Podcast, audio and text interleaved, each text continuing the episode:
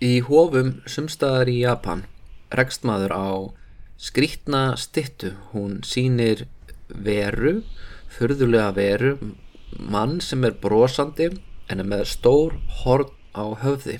Og það eru meiri sé að seldir verndargripir með ásjónu þessarar veru. Þess að sagt sama brosandi veran með sömu djöfulegu hornin. Já, djöfulegu því að ef við sæjum uh, þetta í kirkju einhver staðar í Evrópu myndum við sannlega gíska á að þarna veri djöfullin sjálfur mættur eða einhver af púkum hans. En það er þó ekki í þessu tilviki. Þetta er engin annar en átjándi Sasu Tendai hreyfingarinnar, eh, einn máttuasti trúarleðtogi Japans á tíundu öld, ábótin Ryogen. En hann Ryogen, hann er kallaður í þessari byrtingamind Tsuno Daishi og er notaður til þess að venda fólk fyrir sjúkdómum. Og hann hefur já aukist í vinsældum. Það er að segja eftir að COVID-19 byrjaði að breyðast út þá fóru vendagrippi með honum Tsuno Daishi að seljast meira og hann er meira að segja ásumum grímum sem aðna hof í Japan selja. En hvað maður að gera þegar maður hefur sjúkdóm sem er bráðsmittandi og ekki til einn bólusetning við. Nú þetta vandamál blasti við honum Ryogen á sínum tíma. Á tíundöld eins og gerðist reglulega í að mann gengu yfir stórir bólusóttar faraldrar. Og bólusóttin, þetta er hrigalögur sjúkdómur, hún drefur uh, mjög hátt hlutvall þeirra sem að fá hana. Hún smittast hratt og þeir sem lifa af, þeir sitja meira sér uppi með varanleg ör það sérst hverjir hafa fengið bólusótt á bólónum nefnilega. En einmitt frá bólusótt kemur orðið bólusetning. Það er að segja þegar hann Jenner, Edward Jenner á átjóndöld í Breitlandi áttaði sig á því að mjaltastúlkur fengu sjaldan bólusót heldur hafðu tilhengu til þess að hafa fengið hérna vægari kúabólum lagðan sem hann 2 og 2 og áttaði sig á því að við getum myndað ónæmi fyrir sjúkdómum með kannski vægara afbreyði af þeim og hann uh, testaði þetta meiri sig á sinni eigin fjölskyldu og, og og endanum uppgöttaðan bólusetningu. En fram að því þá hafði reyndar í Kína viðgengist að, að skrapa úr örum þeirra sem höfðu fengið bólusótt áður, skrapa þar blóð og vessa og, og smita fólk þannig að því að með þeirri leið þá ferðu í raun vægara afbreyði af bólusótt og ert líklegri til þess að lifa hana af en ef þú smitast uh, venjulega. Einhvað síður er það ófullkomin leið uh, og mun örugara að bólusetja sig með bóluefni en hvað sem því líður þá var það þessi virði að reyna því að á uh, vissum tímapunktum í sögu Kína og Japans þá varst ekki áleitin komin til fullornis ára fyrir en þú hafi lifað af allavega einn bólusóttar faraldur það er einhvern veginn tekist að forðast að þegar það gekk yfir eða fengið sjúkdóminn og lifa það af. Og ég hef nú áður aðgið að í fyrsta sinn sem að bólusótt kom til Japans þá dó einn þriði af íbúum eigaklassans sem er ekkert smá, ekkert smá ræði en það voru viðbröðin uh, þvílik trúarvakning. Keisarin sem að lifði af hann létt reysa risavaksið búta líkneski fyrir mikið, mikið fjö kostaði meiri hlutan af landsframleiðslunni. Þetta hef ég reykið áður í, í held ég nýjunda eða áttunda þætti. En hvað sem því líður þá var hann Rjóken sem uppi var á tíundöld hann eh, lendi í þessum sama vanda þar að segja samfélagið sem hann var hluti af var að kljást við bólusótt.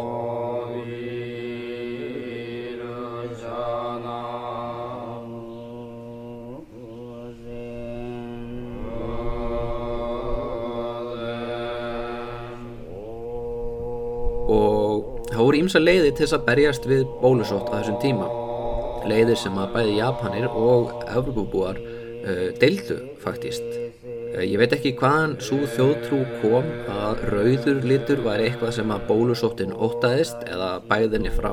En Elisabeth Englandsdrottning þegar hún vektist að bólusótt þá var hún klætt í rauð född og það sama gerði aðna Karl V, eh, fraklandskonungur, hann klættist rauðri skirtu og rauðum sokkabuksum til þess að bæja burtu bólusóttinni og Japanir á miðöldum þeir trúðu því að með því að klæðast rauðu þá getur þeir fælt burtu uh, Hosogami það er að segja bólusóttar djöfulin eða bólusóttar guðin og Japanir eru svo sem ekki þeir einu til þess að persónu gera bólusóttina. Til dæmis þá vatna, er að í Níkerju guðin Sobona hann er byrtingamind bólusóttar og ég veit svo sem ekki hvort hann sé tilbyðin áfram en uh, hann var það allavega á þeim tíma þegar bólusótt var ennþá eitthvað sem gekk á milli fólks.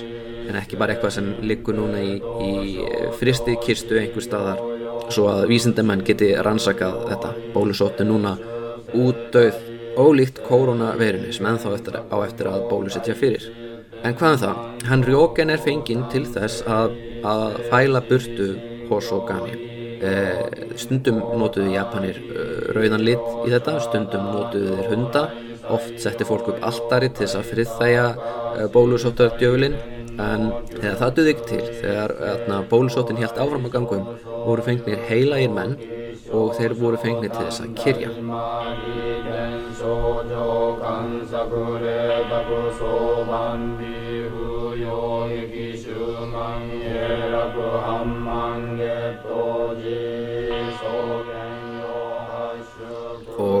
sagan er svo að hann uh, Rjóken hafi sest niður fyrir framann speil og byrjaði að kyrja á samt lærisvein og þegar þeir voru búin að kyrja í marga daga eflaust búin að fasta og, og halda sér vakandi þá leitt lærisveitnin í speilin og hann sá að speilmyndin á lærimestara sínum var búin að breytast.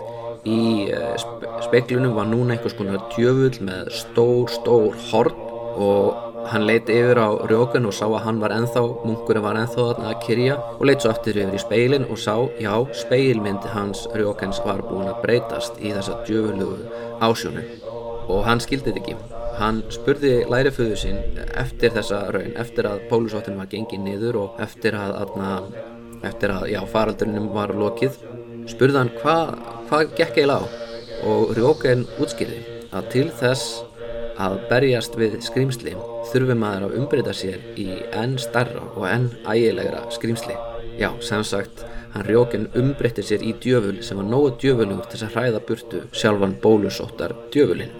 Og síðan þá hefur þessi hirnda vera, veran með stóru hornin og, og, og uh, þetta er rauninni svolítið ljúfa brós uh, verið sett á uh, súlur Eh, verið eh, eh, notuð til að myndskreita á hóf og, og sett á ímsa verðagreipi og reyndar þá notaði fólk líka stittur af hundum sem verðagreipi málaði þær rauðar og hafði rauðar brúður og ímislegt svo leiðis en uh, hann Tsuno Daishi hann er enþá notaður í dag ekki til þess að fæla burtu bólusóttardjöfulin heldur til þess að fæla burtu koronavirna og kannski er hægt að panta á netinu einhverjar grímur með myndum af honum eða einhverjar svona vendagripi til þess að hafa um hálsin, ég veit það ekki. En það er þess virð að reyna, svo lengi sem við erum ekki bólusett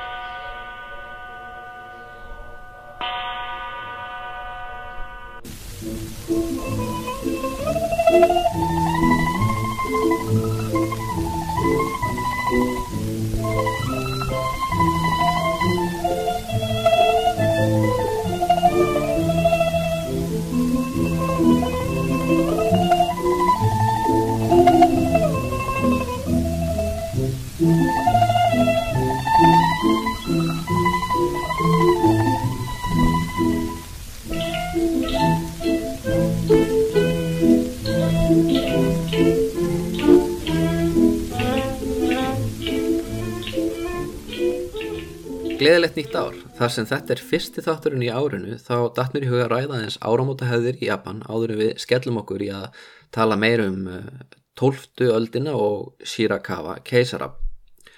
Áramót í Östur Asju þau eru svolítið öðruvísi en á Vesturlundum. Í Evrópu höldum við parti, við bjóðum vinum, viða er skotuð upp flugöldum og skálað í góðu kampavinni, já eða bara kampavinni eða freyðivinni af einhverju tægi misgóðu eflaust en við gerum það á miðnætti og, og það er mikið fjör. En í Japan þá hafa áramótin yfirleitt verið fjölskylduháttíð með svipuðum heilagleika og jólin en það halda Japanir ekki upp á jól. Í það minnstakosti ekki eins og við. Í Japan fer fólk eh, frekar á romantísk stefnumót á aðfangadag og það borðar Christmasu keki sem er nokkuð skonar rjómaterta. En að undanskildum auglýsingum sem nota jólasveina og stöku ljósaskraut í búðaglugum þá er ekki svo mikið um jól en það Japan er ekki kristin þjóð. Áramótin hins vegar eru haldin með mikilli viðhöfn. Öll fyrirtæki loka á sama tíma, þeir sem eiga fóreldra út á landi yfirgefa gætnan borgina og heimsækja gamla þorpið sem þau ólust upp í en allir þrýfa íbúðuna sínar hátt og lágt. Í raun fer mest allt fríið e, fram að áramótunum í hringetningar þar sem helst á ekki að sleppa hennum einasta blett, heldur reynsa út úr öllum skápum, þrýfa glugga, undir húsgögnum og svo framvegis. Nú, rétt eins og á Vesturlundum þá eru send kort. Uh, á Vesturlundum sendu við jólakort en Japanir senda nengajo eða nýjárskort. Þessi kort þau fara til eiginlega flest allra sem fólk þekkir, vinnufélaga, ættingja, gammallar skólafélaga og í raun alla sem viðkomandi vilja í góðum samskiptu við á næsta ári. En maður þarf ekki endilega að vera frumlegur í orðavali frekar enn í jólakortunum. Það eru staðlaðir frasar sem eru notaðir, bara svipað og við segjum aðna gleðilegt nýtt ár og, og farsælt og svo framvegis.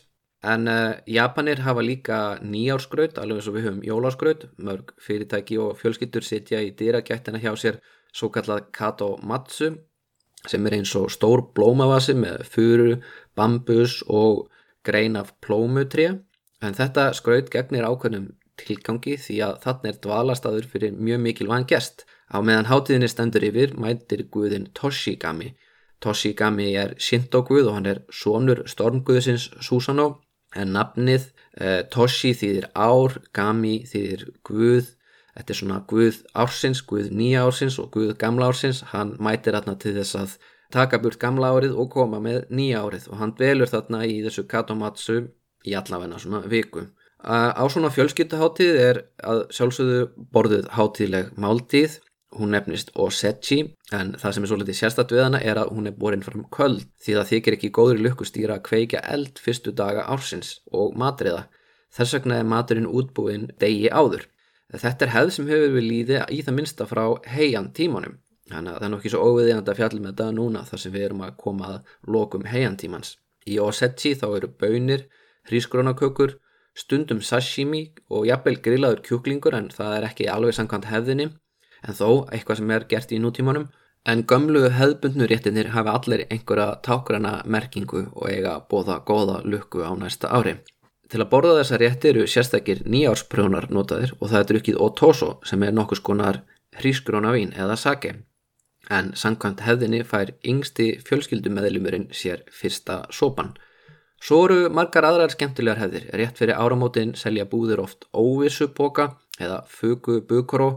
Ég held að megi því þetta sem lukku boka en fólk stendur í löngum röðum til að grípa þá með sér því að innihaldið í þeim er oft verðmætara en verðmiðin segir tilum.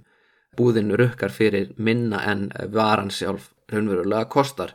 En samt sem aður er þarna pínulítil áhætta því að þú gæti verið óeppin og það gæti verið minna í pókanum.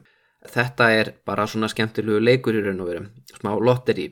Eh, svo er það eh, Otoshi Dama, krakkar fá nýjárspenninga í umslægi á vísu engar stórar gjafir undir jólatri eins og krakkar á Íslandi með að búast við kringum jólinn. Svo er allur gangur á hvað annað fólk stundar, sumir vaka allar nóttina til að sjá fyrstu sólaruppbrás ársins eða vakna snemma til að sjá hana. Lang flestir mæti í hóf á fyrstu þremu dögum ársins, það er alveg tróðið í hóf á fyrstu dögum ársins í Japan. Þannig að það er pínu trúalegt element í nýjásæðinni þráttur allt. Og til dæmis klingja bjöllur í öllum bútískum hofum á miðnætti og þar gera það allt í allt 108 sinnum. Og þessi tala er heldur engin tilviljun því að taliði er að við búum öll yfir 108 bon ó 108 veraldlegum þrám sem fá okkur til að drýja syndir.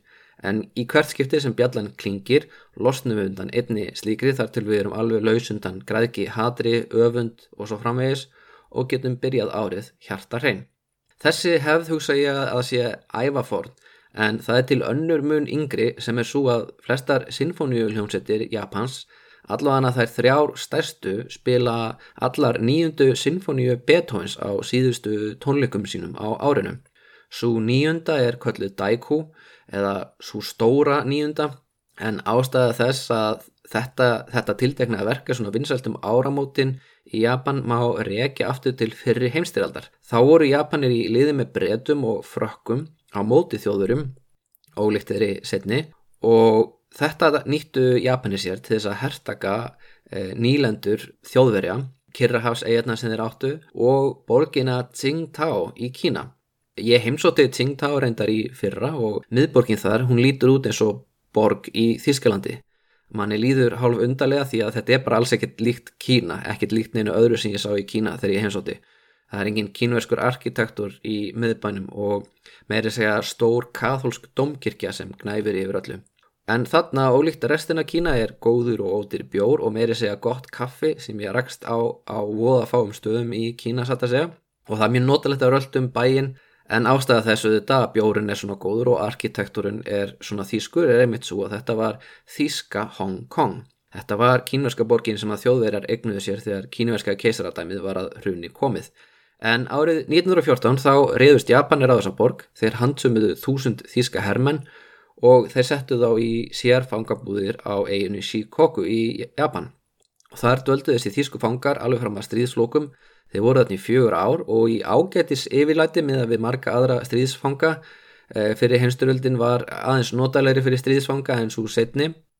Japanu var mjög mun að viðhalda góðum samskiptum við Þískaland að stríðinu loknu og þeir vildu líka bara sína vesturlandabúum að þeir væru siðmentuð þjóð.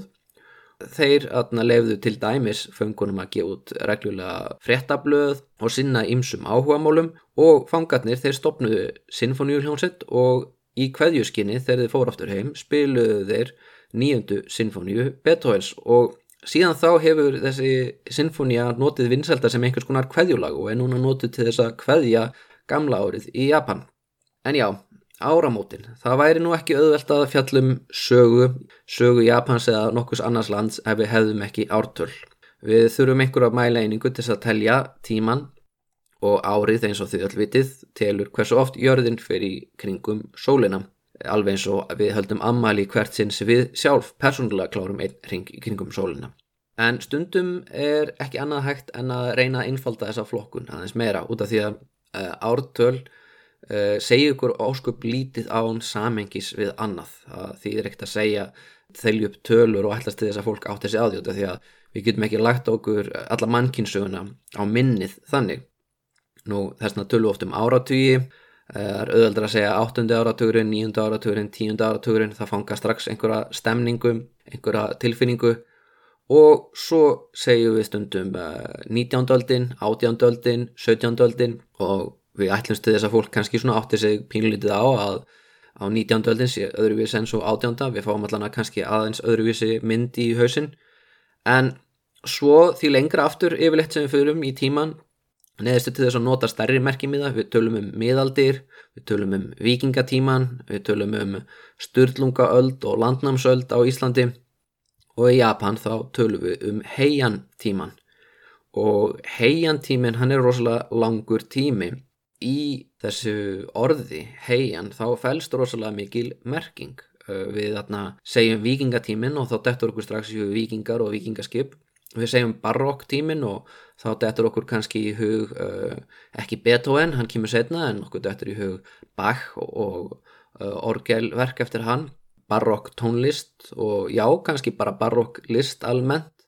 Barokk kirkjur og, og barokk máluverk og kannski bara svona aðalsmenn með púðraðar hárkollur en uh, heiantímin er svo langur að í rauninni er svipa langt tímabil frá uh, barokktímanum til dagsins í dag og allt heian tímabilið. Þetta, þetta eru 400 ár frá árunum 794 til ásins 1185. Það er að segja svona cirka svipað og er uh, millir mín núna og, og tímanu þegar Ísland var gert að einveldi á Kópavóksfundinu. Þannig að þetta er rosalega langt tímabil. En uh, auðvitað er þetta bara meir en bara ártöl. Við erum líka að reyna að fanga einhverja ákveðna stemningu. Uh, veist, heian tíminn kalla fram ákveðna mynd í hugafólks af því að ef þú segir þetta við Japani þá hugsa Japanir yfirleitt um aðalsfólki þeir hugsa um aðalsmenn og aðalskonur sem voru að yrkja ljóð um ástina og tunglið fólk sér kannski mynd af uh, konunum með síðasvarta hárið, svartlita tennur og í marglaga og marglita silki sloppum. Þetta er svona mjög fáið mynd sem er ólík myndinni sem við höfum af síðari tímabilum þar sem við sjáum kannski fyrir okkur samúræði að vera að berjast eitthvað svo leiðis. En heian samfélagið var náttúrulega ekki þannig allan tíman. Það stóð ekki í stað í 400 ár og þróaðist ekkert. Uh, það er nefnilega ekki bara ein menning, ein fagafræðim. Þess vegna verður við að skipta heiantímanum upp í nokkur undir tímabil. Heian eh, tímin er í raunin bara lýsing á sko pólitísku ástandi þegar eh, Japan er stýrt frá borginni Heian sem í dag nefnist Kyoto. En ef við hugsaum málið aðeins nánar þá eh, er þetta auðvitað bara skilgrinning á staðsetningu. Þetta er í rauninni ekki, segir okkur í rauninni ekki hvernig landinu er stýrt en það í stýrt að marka mismunandi vegu meðan heiantímanum stóð. Uh, til að byrja með þá voru keisaratni með öll völdin og menningin í borginni líktist meira menningunni eins og var á naratímanum. Á naratímanum þá var verið að líka eftir uh, Kína, tangveldinu í Kína og, og meiri sé að allar hirðaðtapnir, uh, ég hugsa mörg samtöl og, og að sjálfsögðu öll lög í landinu allt fór þetta fram á kínversku. Kínverskan var ofinbert mál og japanskan var svolítið sett til liðar og e, keisarin Saka sem var atna, styrði Japan atna, um miðja nýjundu öld, þarna alveg upp af heiantímans, hann uh, hafði engan áhuga á japanskri ljóðagerð, hann þyngaði alla til þess að yrkja á kínversku í kringu sig og helt stóra ljóðaveslur þar sem fólk var að yrkja á kínversku og það skipti bara veruleg mála að vera fær í ekki bara kínversku heldur fórn kínversku til þess að ná frama innan hyrðarinnar. Þetta notuðu keisarnir líka til þess að undirstryka að atna, þeir eins og keisarnir í Kína ættu að vera með allt vald í hendi sér. En svo breytist þetta svo litið þegar aðalsættir eins og Fujiwara taka stjórnuna og frá því cirka um árið 900 þá er Japan undir hælnum á Fujiwara ættinni, keisarættin svo litið sett til hlýðar og það tímabil er oft kallað Fujiwara tímabilið. Já, þess að það er fyrra heian tímabilið, Fujiwara tímabilið og á Fujiwara tímabilinu þá byrjum við aftur að yrkja á japansku, uh, við fáum uh, myndir sem er ekki eftirhermur af kínversku landslægi, heldur er þetta japansk landslag og Japan líka einangra sig. Stógru svona menningarlegu kvörfun er í rauninni þegar ennbættismæðurinn Michi Sane ákveður að það verði ekki sendan innar ofinberrar sendinendir aftur til Kína. Þeir hafi lært allt sem þeir þurfa að læra og við þetta einangrast Japan svo litið menningarlega. Uh, hirðmenningin hún reynir að varðveita gamlu menninguna en hún verður alltaf sífælt japanskari og japanskari og sérstæðari og sérstæðari. Og það er þetta sem í rauninni fólk lítur á sem heian menninguna, það er menningi sem er komið fram árið þúsund þegar Murasaki Shikibu og Sei Shonokon er að skrifa. En svo er þriðja tímabil, tímabil sem við erum að hefja núna og það er kallað Insei, það er kallað klustur tímabilið. Og á þeim tíma þá hættir Fujiwara-ættin að stýra Japan og völdin lenda í höndunum á keisara, fyrrum keisara sem er gengin í klaustur og stýri landinu fyrir einhvern annan keisara sem er jafn valdalös og keisarin ávalt hefur verið. Og maðurinn sem að í rauninni er mikilvægast í pólitíkus þessa klaustustímapils, það er hann Shirakawa. Eh, Shirakawa er að reyna svolítið sem að margir aðrir hafa reynt áður Það er að segja að hann er að reyna að, að hrifsa völdin úr Fujiwara-ættinni og framan af þá gengur það ekkert sérstaklega vel. Hann er að reyna að, að eh, binda enda á skattaskjólakerfið sem að Fujiwara menn hafa sett upp en uh, Fujiwara menn hafa haft alveg 200 ár til að skrifa lögin í landinu, erfa stöðunar eins og aðalaráðgjafi og ríkistjóri og, og þykist alltaf að stýra í nafni sonarans Shirakawa, Horikawa og þeir ætla að einangra hann Shirakawa í klausturinu sem hann er gengin í. En af hverju gengur hann Shirakawa í klaustur til að byrja með? Ástæðan er í rauninni ekki svo að hann sé svo gífulega trúaður, heldur þetta er leið til þess að slepp undan skildum keisarans. Keisarin hann er að sinna aðna, helgihaldi fyrir meðal annars solgiðuna Amaterasu en líka ymsa aðra guði. Hann ber svona ákveðna skildur uh, sem keisarar hafa já sangað að sér í gegnum tíðina uh, alls konar skildur sem þeir hafa gagvart guðum og, og öðrum hefðum og þeir hafa lítinn tíma til þess að beita sér í pólitíkinni. Þetta hefur verið gert svo litið vísvitandi, þeir hafa, hafa verið vísvitandi hlaðið ofan að á svona helgi siðum en líka á sínum tíma þá, þá tóku að keisararnir á sig að sinna sóldýrkuninni til þess að grípa til sín eh, einhvern heilarleika og réttlæta þannig vald sitt. Þannig að þetta er svona, þetta er tví ekki að sverð. En núna eru þeir orðnins að setja of heilagir og of uppteknir til þess að stýra landinu. Og til þess að losna undan þessum skildum þá er besta leiðin að gerast munkur út af því að þá ertu orðin búttisti og sem búttisti þá berðu engar skildur gagvart gömlu guðunum. Þetta sínur þeim virðingu og allt það, þú ert ekkert eh, orðin vantrúa á tilvistera en núna e, þarftu bara að kyrja og einbetara uppljómun og það gefur þið meiri tíma til þess að stunda pólitík. Og Shirakawa er ekkert fyrsti maðurinn til þess að reyna að stunda pólitík. Margir af forverum hans og forfæðurum hafa gengið í klustur einmitt í þessum tilgangi en þeim hefur ekki tekist markmið sitt. Það sem gerir Shirakawa öðruvísi er það að hann er pínulítið heppin en þarna í fyrstu þá e, virðist þetta ekki ætla að ganga hjá hann. Hann e, bóðar á sinn fund ímsa aðalsmenn og ímsa stríðsmenn og samuræja og á meðan er Fujiwara no Moromichi uh, aðalráðgjafi hérna, sitjandi keisara með öll völd í hendi sér og sámaður hann segir það er óviðegandi að uxadregnar kerrur séu lagðar við aðalingang á höll keisara sem hefur dreyið sig í hlýja og er þá að kommenta á það að það séu einhverjir aðalsmenn að heimsækja keisaran og jújú, jú, hann viðkynni það svo sem að keisarinn á rétt á því að fá uh, gersti í heimsókn og allt það þó svo hann sé orðin munkur og gengin í klöstur en það er nú frekar óveðjandi að parkera uksakerunum við aðalingangin. Uksakerur voru stöðutak, aðalsmenn þeir fórum á, á slíkum uh, kerrum, þeir fóru ekki um á hestbakki, það gerðu samóræjarnir sem voru lágt settir í samanburði við aðalsfólkið. Þetta eru svona, það eru stríðsmennir sem skjótast um á hestum, sendibóðar og svoleiðis En ef þú ert eh, veriðulegur ráþara þá kem, ferðu um á uksakeru og ekki hvaða uksakeru sem er. Til dæmis þá skrifar hún segi Sjónagon að rauðbrunir uksar séu nú frekar pleppalegir og hún kommenta líka á hvernig aukumenn eru hafðir til fara og svo leiðis.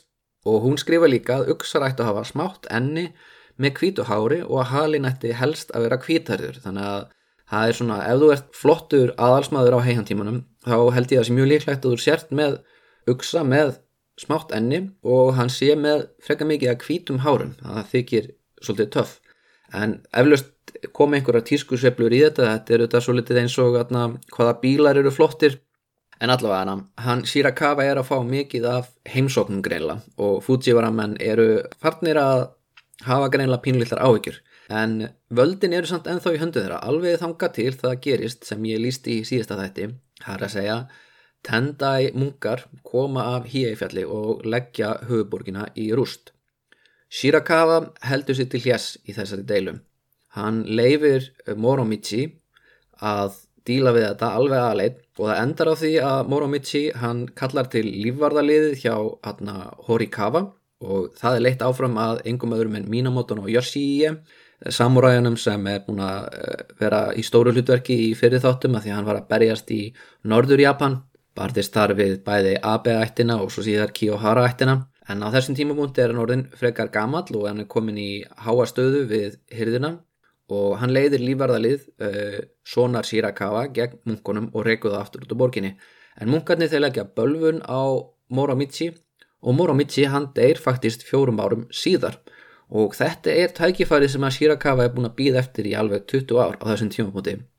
Það er að segja Þegar Moromichi deyr þá tekum við sem ættarhöfuð Fujiwara ættarinnar ungur og órindum maður og hann þarf að díla við fyrirverandi keisara sem er 50 og er búin að undibúa svona yfirtöku í talsvert langan tíma. Hann er búin að mynda stort tengslanett, hann er búin að ætleða mörg börn, hann er búin að e, gifta sig inn í margar ættir, hann er búin að já, skapa þjætt net bandamanna meðan hann var á eftirlönum og Það endar á því að Shirakawa tekst að stýra í nafni svona síns og Fujiwara no Tatasane sem ætti að fá stöðu af aðalarókjafa hún er haldið frá því að taka formlega við sem aðalaráðgjafi í alveg 5 ár.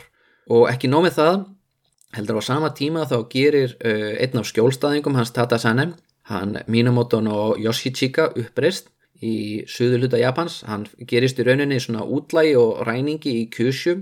Og þetta er mjög vandræðalegt mál því þetta er sonur Minamoto no Yoshie yfirmanns lífvarðaliðsins. Og Fujiwara Tatasane hann ákveður að senda uh, hann Yoshie út á land til þess að berjast við svon sinn. En kannski sem betur fyrir fyrir Yoshie sem á þessum tímapunkti er 70 þá deyr hann á leiðinni. Og það samt bætir ekki stöðu Fujiwara ættirinnar því að það endar á því að Shirakawa stígurinn og hann er með yfirmann á sínu eigin lífarðaliði annan samúræða sem hefnist Tairan og Masa Mori og hann endar á því að sigra þennan Yoshichika og þetta er vandraðalegt fyrir Minamoto ættina, vandraðalegt fyrir Fujiwara ættina en styrkir stöðu hans Shirakawa. Og Shirakawa verður svo gott sem einvaldur í Japan næstu 20 árin. Hann deyr 1129, þá var hann orðin alveg háaldraður og við tekur sem svona yfir keisari badnabadnans Topa. Og Topa hann á að sjálfsögðu Fujiwara móður.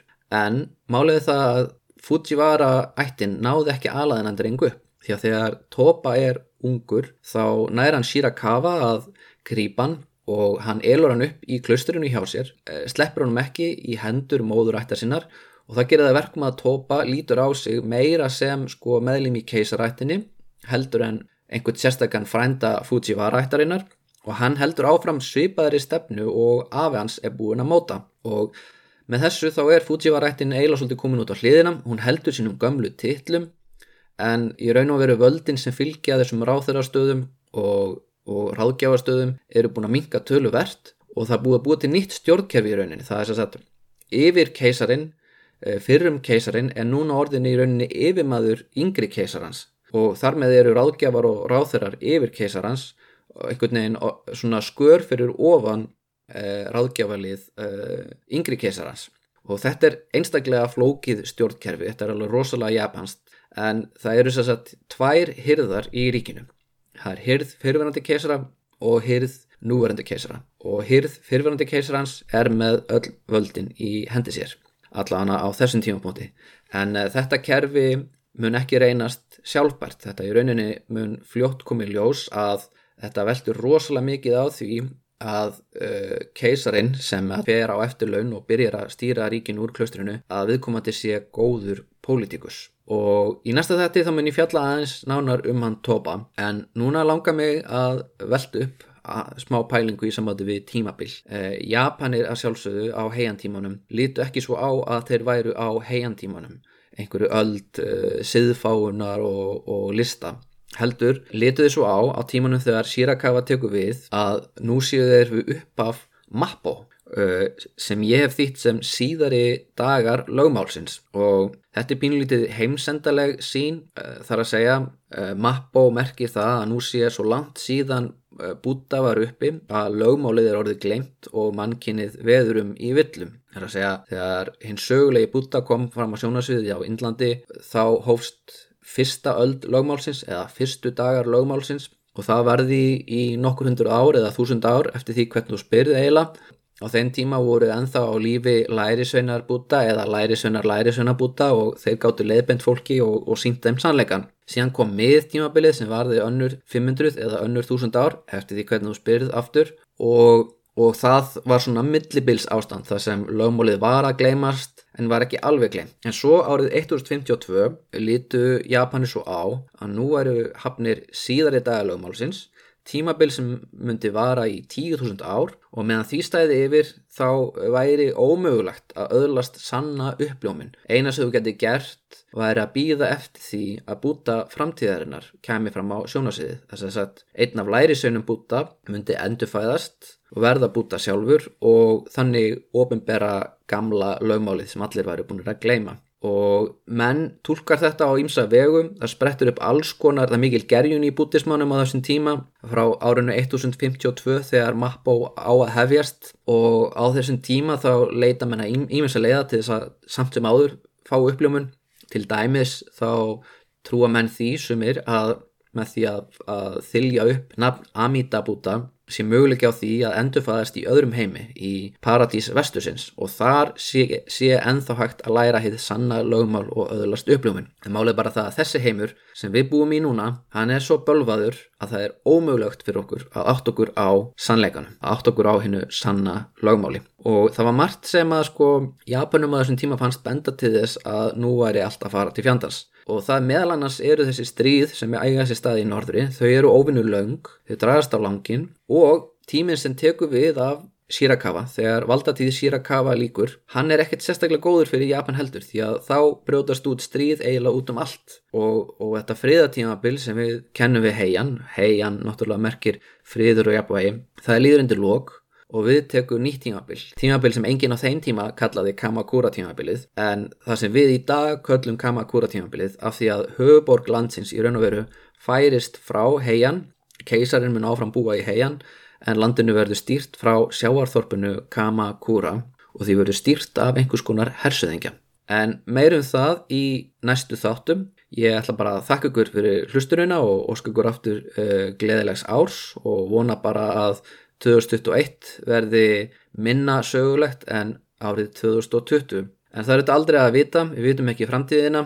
Við vitum bara að við erum tiltölulega heppin að vera uppi á þessum tímum en ekki á lífi undir lok heiantímas já, þeir munuð heyra meirum það næst en það er þarna frekar slæmi tímar framöndan en að þessi sunni segi ég takk fyrir hlustunina og ég vona að þetta hafi verið skemmtilegt og ef ekki skemmtilegt þá allan að vona ég að þið hafi lært eitthvað